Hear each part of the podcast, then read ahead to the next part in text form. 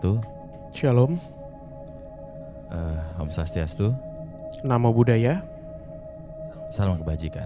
Yes. Eh, eh, tadi tuh gue iseng ngelihat DM-nya podcast Malam Kliwon ya. Mm-mm. Terus ada satu orang dari Batam. Cuman gue belum lihat ceritanya. Ternyata ini loh ya, Namo Sang Yang Adi Budaya, Namo Budaya.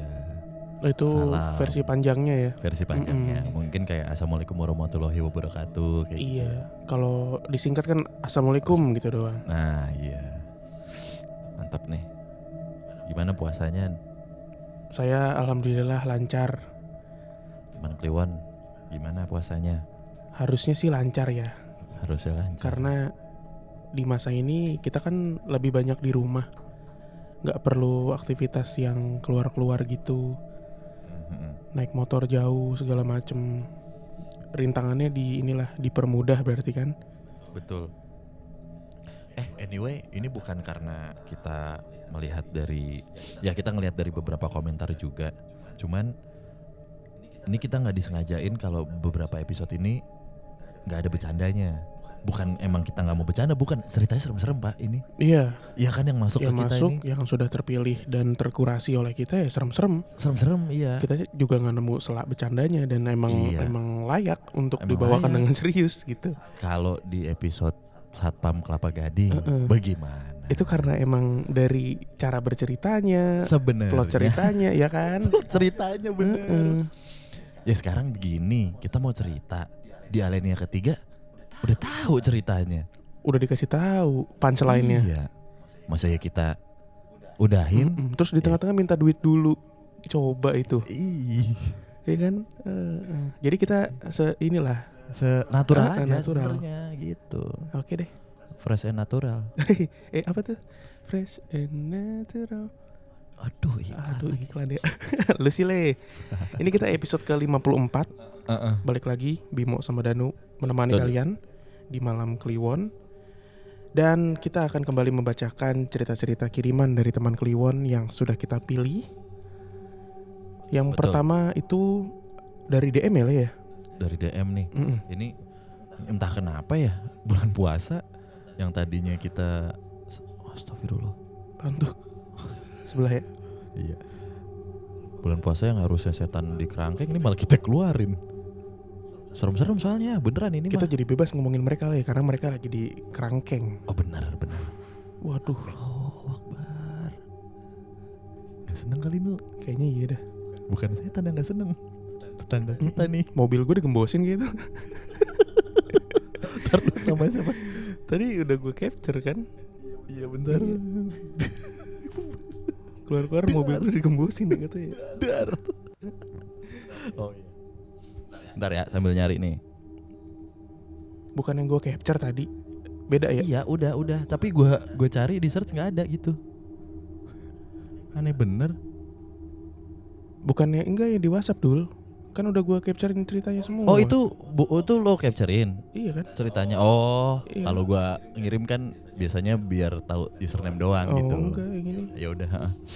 Ayo deh.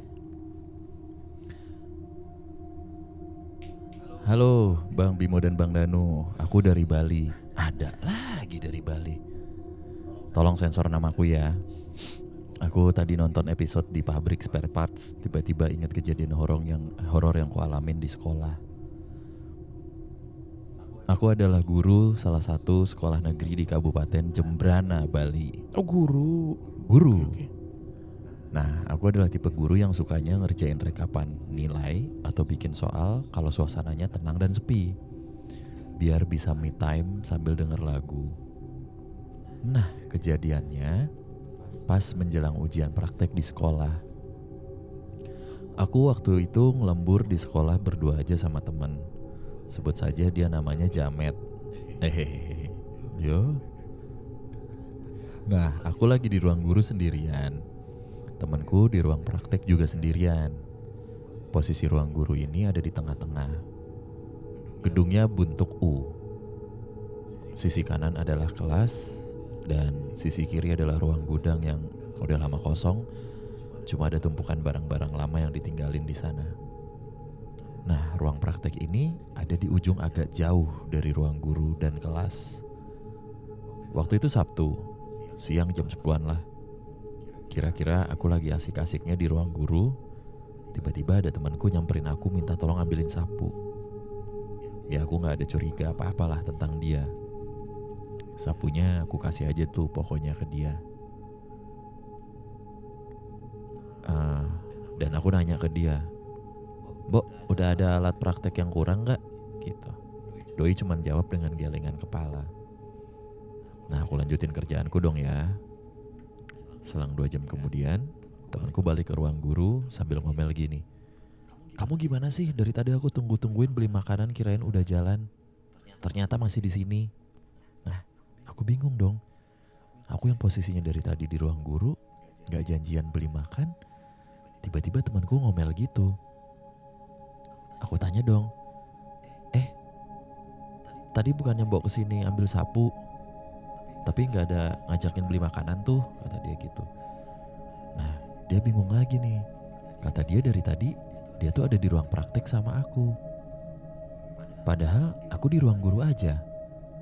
Dan aku juga lihat temanku ini minta tolong ambil sapu. Tapi doi nggak ada minta tolong ambil sapu. Kami berdua langsung diem. Kaget sih. Bayangin cewek-cewek berdua terus dikerjain gitu. Ada dua sosok yang ngerjain kami berdua berarti. Gila nih emang nih. Senin setelah kejadian itu, temanku nanyain ke pemangku, semacam ustadz kalau di muslim ya. Dan beliau bilang kalau di ruang praktek itu emang ada sosok jahil yang suka nyerupain manusia. Tapi sosok di ruang guru itu, beliau bilang ada yang mampir, nebengin aku pas mau sekolah. Mau ke sekolah maksudnya. Segitu aja cerita dari Kubang. Maaf kalau kepanjangan dan belibet. Semoga kalian sehat selalu. God bless. What the best. Berarti ada dua sosok tuh ya. Dua nih, paralel. Paralel bro. iya. Biasanya cuma satu kan. Mm-mm. Kita pernah bacain cerita di Pejaten, Mm-mm. begini kan, dikirain temennya. Iya. Tapi di saat dia dikerjain, yang di sana juga dikerjain. Berarti yang satu itu ng- Ah, ngerasa gitu. ditemenin sama yang ngirim cerita ini di di ruang eh, praktek apa tadi? ya? Di Praktek. ruang praktek. Padahal dia lagi di ruang guru. Guru-guru. Nah, yang di ruang guru disamperin sama ini minta sapu. Iya, yang yang di ruang praktek. Yang di ruang eh di ruang guru. Yang di ruang guru disamperin sama yang Di ruang praktek. Iya, iya. Waduh, Bisa gitu iya. ya. Yang ini disuruh beli makanan lagi tuh. Nggak balik-balik. Lucu aja nih kejadian kejadian yang nggak biasa sih. Di mana tadi Jembrana ya? Jemberana. Ini kayaknya tanda alam nih, Le. Apa tuh? Kemarin dari Bali. Sekarang dari Bali. Kudu ke Bali nih kayaknya kita nih. Asli, ih, gua Iya. kelar corona ke Bali ini. Heeh. Ntar gue VO-in deh. Iya. Pasang sabuk pengaman Anda. Oh iya, iya. iya. Maskapai penerbangan tuh ya. Heeh. Gak boleh kalau di sini. Nggak boleh dong. Enak aja. Ya, aduh. Tadi udah kejeblosan sekali. Tadi gue mau ngomong apa ya? Oh ini ternyata abis gue baca-baca lagi, jadi di email tuh banyak banget kan Le, ya cerita ya. Ada mungkin yang belum gue baca tuh sekitar 500-an deh. Le.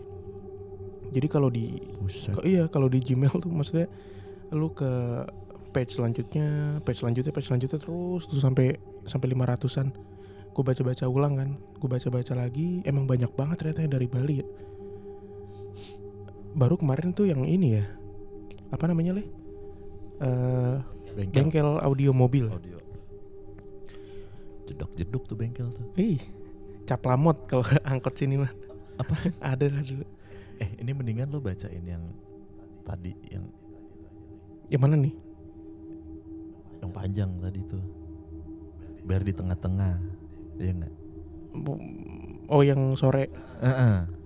Oke, Ini bukan bagian lo. siap. Panjang nih. Iya. Gue udah baca. Kasihan deh. Kesian cuy. Iya, ya udah ya ya udah baca deh. yuk. Halo Mas Bimo dan Kak Danu dan semua teman-teman pendengar podcast Malam Kliwon. Panggil aja gue V-nya. yang ingin berbagi cerita horor yang keluarga gue sendiri alamin.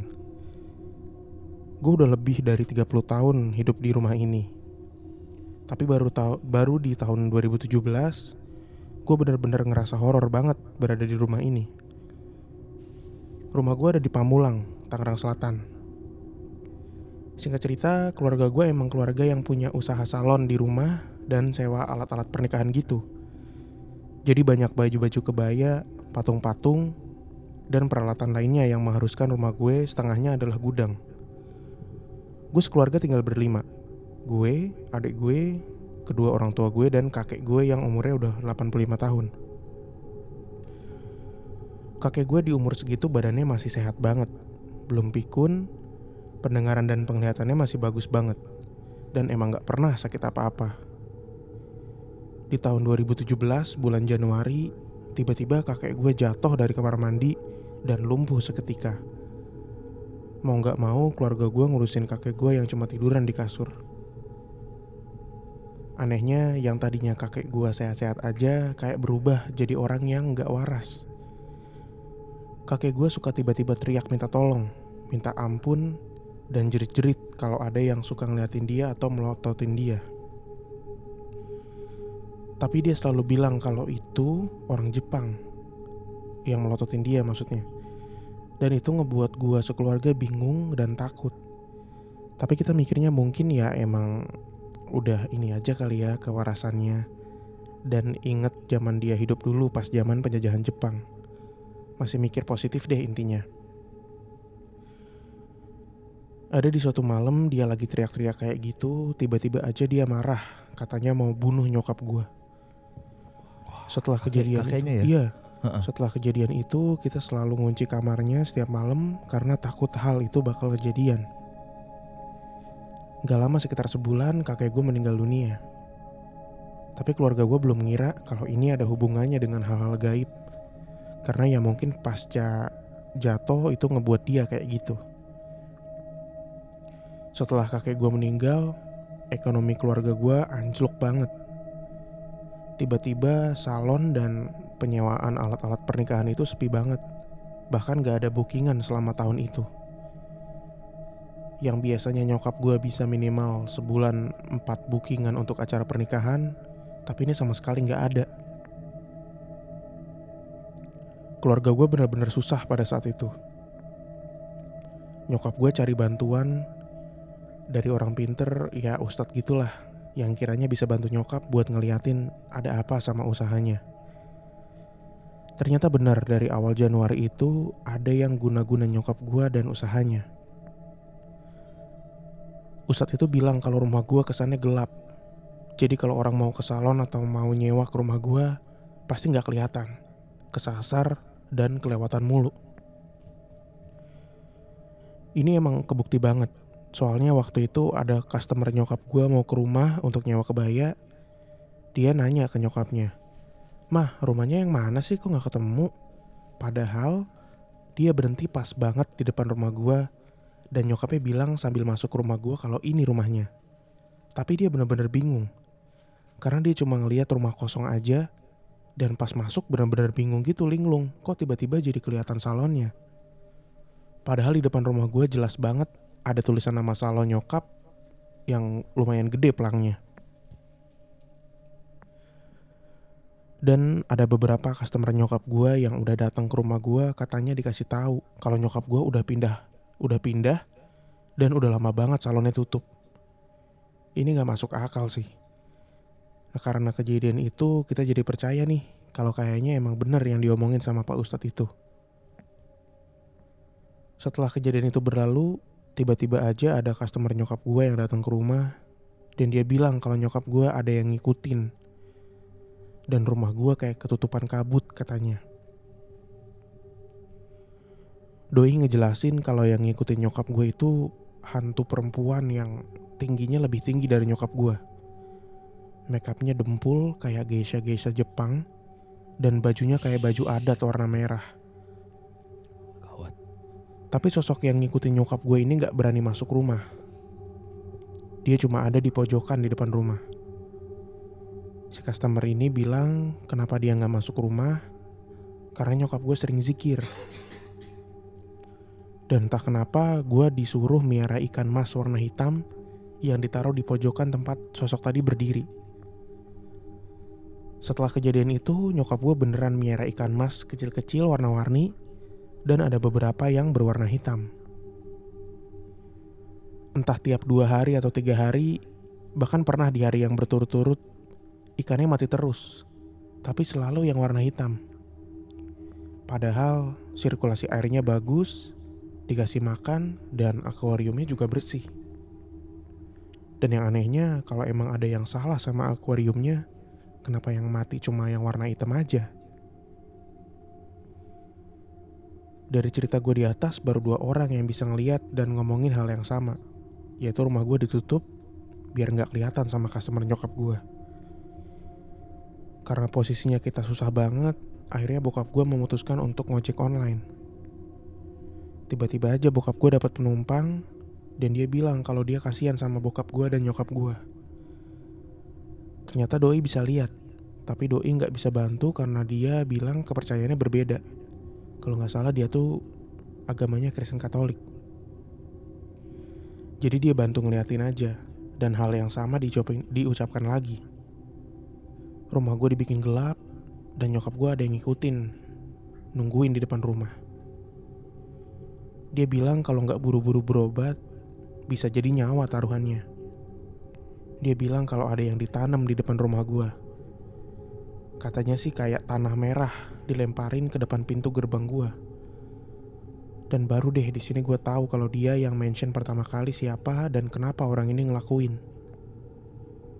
Sebenarnya dia nggak mention bener-bener orang tersebut siapa sih, cuma disebutin ciri-cirinya dan nyebutin rumahnya besar, rindang, ketutupan pohon, dan orang tersebut baik banget sama nyokap gue. Kami udah langsung tahu banget nih siapa. Tapi ya kalau kayak gini nggak ada buktinya kan.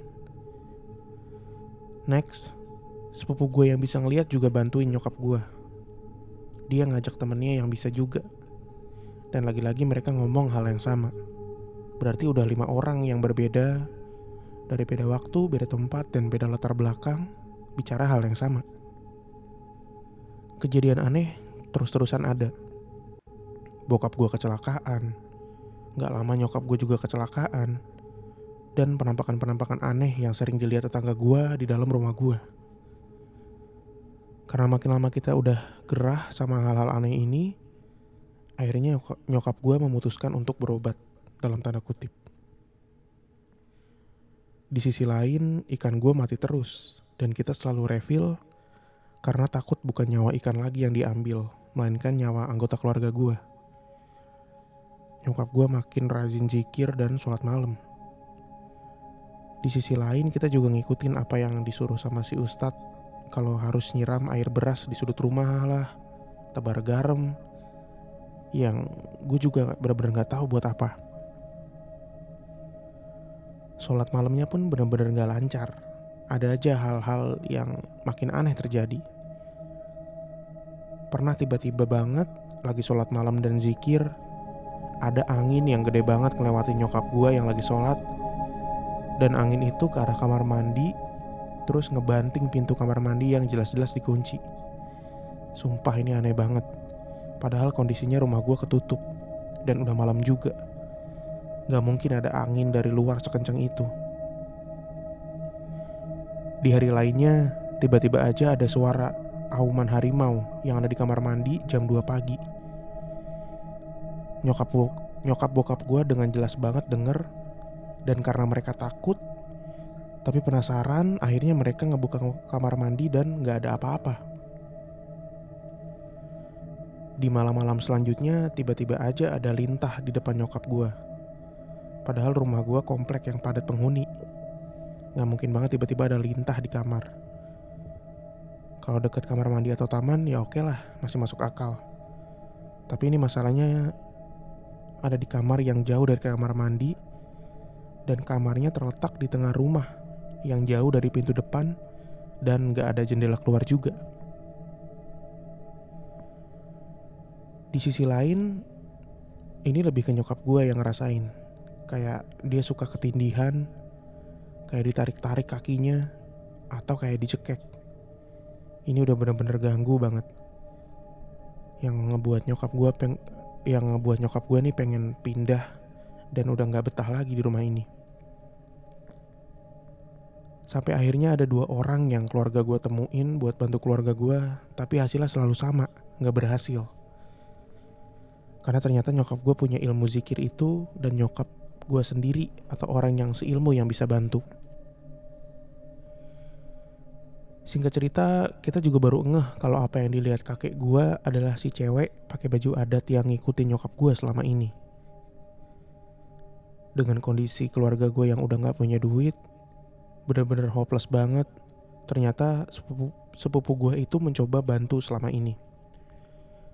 Emang sih dia bukan orang yang bisa ngobatin gitu, tapi dia punya ilmu yang sama. Ternyata dia puasa mutih 40 hari dan zikir hataman selama 40 hari.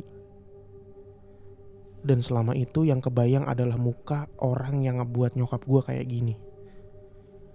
Sampai akhirnya entah kenapa dia dapat petunjuk kalau harus nanam sesuatu di depan rumah yang di dalamnya harus ada air zikir dan rambut nyokap gue dan embel-embel lainnya yang gue nggak tahu detailnya apa. Setelah itu ditanamlah benda itu di rumah gue. Dan semenjak itu pula mulailah ada beberapa customer yang berdatangan lagi ke rumah gue. Dan usaha nyokap gue mulai bangkit lagi. Tapi emang gak seramai biasanya.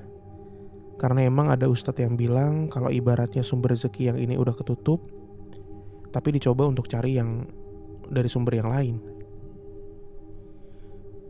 Kejadian yang gue ceritain ini rangkuman dari setahun penuh dan itu kisah-kisah besarnya aja. Karena cerita-cerita detailnya gue udah gak inget dan emang gak masuk di akal.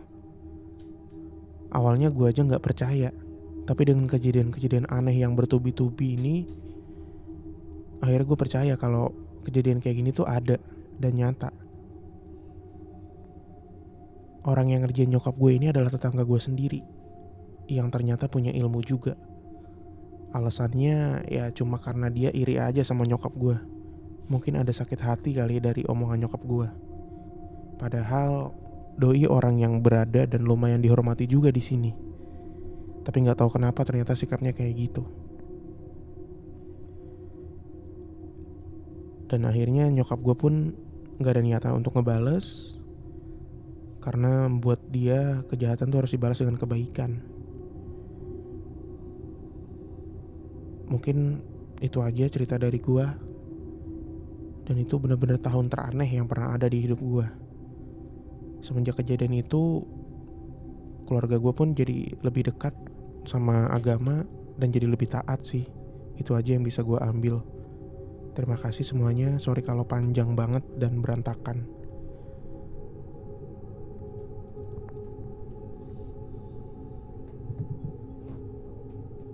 Dari Pamulang ya. Mm-mm. Sama nih kayak di episode 52 apa 53 ya. Si Bali itu yang bengkel audio Mm-mm. sama, sama persis tuh. ya. Yang satu eh, maksudnya kesamaannya tuh adalah ilmu diteluh gitu ya buat eh, ngegagalin usaha. Iya. Terus ciri-cirinya ya orang nggak ngeliat tempat usahanya. Nah, yang kedua taruhannya nyawa. Untung di diinin sama anjing belang. Yang di Bali ya. Mm-mm. Nah, yang ketiga orang terdekat. Bener. Tapi buat gue yang ini chaos sih Bim. Sampai apa ya? Bener-bener itu udah sampai di tahap yang keluarganya jadi susah banget gitu, dibikin susah banget. Satu sisi sebenarnya mungkin ya gua ngambil sisi positifnya tuh si ibunya kan kuat banget ya doa. Iya, zikirnya kuat banget. Cuman memang ada beberapa kasus yang eh ini kita bukan menyampingkan kekuatan doa sih. Justru karena kekuatan doa itu banyak dikasih jalan dan penglihatan. Mm-mm. Bapaknya dikasih penumpang yang seperti itu. Itu kan kayak jawaban-jawaban juga sebenarnya. Dari doanya ya. Dari doanya. Akhirnya dipertemukan secara nggak Iya. langsung gitu. memang dari doa dan usahanya juga nih usaha buat nangkalnya gimana juga nih Hmm. dari ustadz yang ngasih tahu yang kayak gitu-gitu kan sebenarnya udah jelas tuh bahkan si penumpang driver eh penumpang driver penumpang bapaknya tuh sebenarnya udah jelas tuh udah jelas siapa siapanya ya kan cuman mungkin ya balik lagi. Kayak mbak Rere kan dia sopan ya. Mm-mm. ya mungkin si penumpangnya ini kan juga sopan. Dalam artian ya gue tau lah takaran diri gue bukan masalah beda keyakinan nih. Kalau main kayak gini mah gak usah main keyakinan. Kalau menurut gue sih ya. Tapi karena satu mungkin bukan urusan dia. Mm-mm. kedua mungkin ilmunya belum nyampe. Itu. Ya udah nih gue kasih tahu aja nih Mm-mm. gitu daripada ke gue kan bisa jadi ya gitu ibaratnya dia ngasih intro doang ya masih intro Bang, aja kalau keluarga Iya. abang lagi gini gini gini gini Iya. Cuman kan dari intro itu jawaban dari mungkin doa ibunya yang kencang banget, Hmm. Pak. Kita bisa bayangin kalau dalam satu dalam satu rumah itu nggak ada sama sekali yang punya keyakinan atau kuat dalam doa gitu. Eh, pada mati kali ya kalau gitu lah ya satu satu satu satu satu gitu kali. Iya, jahat banget le. itu yang apa yang cukup unik buat gua tuh ini yang disuruh naro ikan mas itu suruh piara yang warna hitam Nah, iya. dan bener aja dari sekian banyak ikan mas yang dipiara Mm-mm. yang mati selalu yang hitam dan berturut-turut pula Betul, iya itu. Nah kalau itu gue sempet tahu tuh le Oh iya? masalah. Iya. Gimana sih maksudnya? ikan ikan gitu. Ya lu kalau mau ngebuktiin pelihara ikan dah gitu. Kalau emang di rumah Hmm. lo ada gangguan atau ada yang gimana gimana tuh ikan duluan tuh yang mati gitu. oh gitu Iya ada beberapa teman gue bilang kayak gitulah. jadi ibaratnya buat ngetes ya Iya. Beda kalau di rumah gue kagak dikuras. oh iya Gue melihara 10 Kok sisa dua mulu Ya, ya? kalau itu mah karena ini apa namanya sirkulasinya Sirkula- lihat tuh begitu. sirkulasi airnya begitu nah terus kayak kemarin nih pas kita live Instagram Mm-mm. gue live Instagram eh, untuk gangguan rumah gitu ya. Gue nggak tahu itu itu gangguan atau bukan gitu. Tapi banyak teman indigo yang bilang tebarin air garam atau air beras juga kesebut tuh le. Air brush bukan air beras mio di air beras itu air brush. Iya bukan. Krum bisa nggak krum? Gue gampar lu air beras iya tuh tadi kan dia juga, disuruh kan? Mm-mm. ada lemparin air beras. Ada beberapa juga yang pokoknya medianya tuh beras entah diminum atau gimana lah ya gitu. Atau disiram gitu. Nih buat teman-teman juga kali ya yang dengerin ya. Tapi rata-rata mah disiram. Kan ada beberapa juga yang nge-DM kita kan. Kayak minta tolong atau apa ya istilahnya. Minta di iniin lah minta ditanganin. Mungkin ada yang lagi kena guna-guna atau apa gitu. Kita berdua nggak punya kemampuan untuk itu sebenarnya. Sama kita bukan sengaja untuk nutupin juga sih karena memang pertama kemauan dari narsum narsum yang udah-udah kita bacakan Mhm. gitu emang ya untuk ya udah dia emang cerita aja gitu. Iya, dan nggak semuanya pengen nanganin pengen gitu. iya gitu. Ya pelajaran yang bisa diambil ya yang pertama akhirnya keluarga lo jadi lebih tangguh dari sebelumnya lebih dekat lagi sama ibadah. Iya. Eh, terus ini sih yang serem yang kayak Geisha ya. Eh, itu apaan ya? Tapi mungkin perawakannya aja kali ya. Mm-mm, makhluk yang dikirim. bukan. iya. Ya begitu dah. Kalau usaha percaya nggak percaya pak? Iya kita di 2020 ini pengennya kan udah modern ya persaingannya tuh lo offline nih. Kalau lo nggak move ke online ya lo mati kan gitu ya. Ternyata nggak nggak itu doang rintangannya. Masih ada yang kayak gini-gini nih. Asli pak. Bukan masih ada malah tambah banyak gak sih? Oh karena tahu sih gue simple aja gitu. Tambah banyak atau enggaknya? Mm-mm. lemparin tanah merah lagi. Kan ada di sini ini oh beda Beda lagi ini yang dari gua kurasi le oke lanjut kita Iya. Halo Mas Danu, Mas Bimo dan teman-teman malam Kliwon semua. Namaku diinisialkan dari Banjarmasin, Kalimantan Selatan. Inisialnya R. Oke. Aku sebenarnya udah sekitar dua bulan terakhir ini rajin dengerin podcast Malam Kliwon. Aku sebenarnya penakut, cuma sering cuma suka denger nonton atau baca horor dan baca yang berbau mistis. Aku juga lumayan sensitif dan sering bersinggungan sama hal-hal seperti ini. Mungkin ke depannya bakal ada beberapa cerita yang akan aku kirim. Tapi berharap deh gitu. Kali ini aku mau share pengalaman waktu acara camping orientasi mahasiswa baru. Cerita ini terjadi di tahun 2011 di salah satu tempat wisata yang memang sering jadi tempat kemah dan acara outing di sini. Tempatnya bukan di kota Banjarmasin ya. Perjalanan ke sana menempuh waktu sekitar satu jam sampai dua jam. Tempat ini luas, ada aula yang biasa dipakai untuk kegiatan indoor, ada area untuk outbound kayak flying fox, peternakan, lapangan sepak bola yang luas, berbagai macam kebun, dan area depannya itu juga ada semacam area hutan. Acara itu berlangsung selama tiga hari dua malam, dan pada malam pertama kami dibangunkan sekitar jam 11 malam untuk kegiatan jurit malam. Kami dibagi menjadi beberapa kelompok.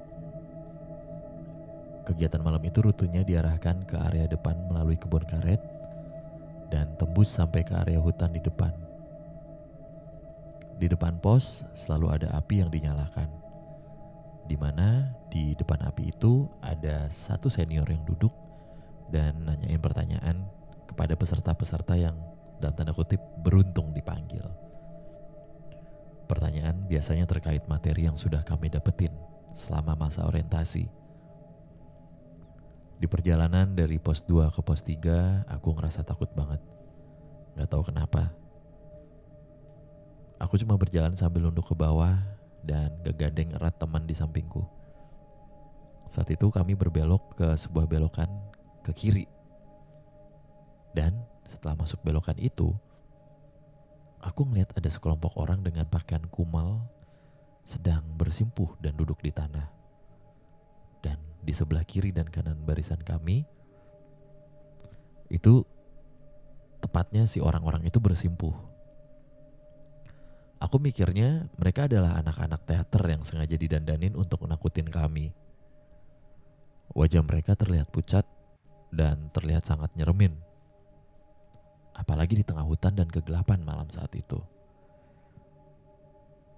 Tangan mereka mencoba meraih-meraih barisan kami yang lagi lewat. Uh, iya, iya, iya. Aku kaget dan takut banget waktu itu. Dan aku semakin erat pegangan sama teman-teman aku. Sampai teman aku yang di samping itu nanyain aku kenapa. Tapi aku cuma geleng-geleng kepala karena aku gak mau disangka berlebihan takutnya. Soalnya teman-teman yang lain yang ada di kelompok aku itu terlihat santai nggak ada satupun yang kayak aku gitu loh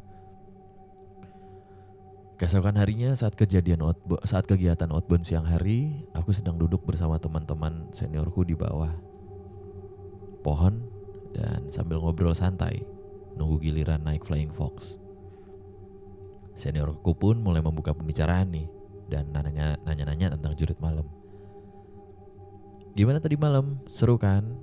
Aku jawab seru apaan? Niat banget deh bang nakut-nakutinnya ya ampun.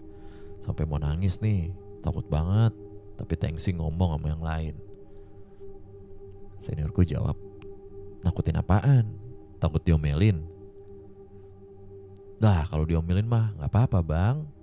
Yang setan-setanan itu loh nggak lucu menurut aku mah. Sumpah kaget banget. Hah? Setan? Lihat di mana? Orang kita nggak ada setan-setanan. Lo kira, lo kira acara SMA apa pakai setan-setanan? Nah aku langsung jawab nih. Di orang di pos 2 ke pos 3 itu ada banyak orang. Pakaian lusuh duduk di tanah, julur-julurin tangan kayak mau megang-megang kita. Itu pasti anak-anak teater kan bang? Bagus sih aktingnya gitu.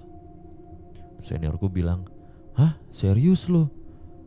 Sumpah deh kita nggak ada setan-setanan. Lagian anak teater yang ikutan outing ini cuma satu orang. Aku pun terdiam mendengar jawaban seniorku yang terlihat serius. Aku pun inisiatif manggil teman yang ada di samping aku malam sebelumnya. aku nanyain sama dia nih apa dia ngeliat yang aku lihat malam itu apa enggak? Dan dia jawab hah? Nggak ada apa-apa kok. Makanya gue juga heran sebenarnya. Lo kenapa tiba-tiba kayak takut banget sambil pegangan kencang? Gue pikir sakit tapi pas gue tanya lo kenapa lo geleng-geleng kepala. Dan setelah ditanyakan ke teman-teman yang lain pun ternyata mereka juga nggak ada lihat apa-apa sepanjang perjalanan oke deh sekian dulu cerita dari aku yang ini terima kasih sudah bersedia dibacakan.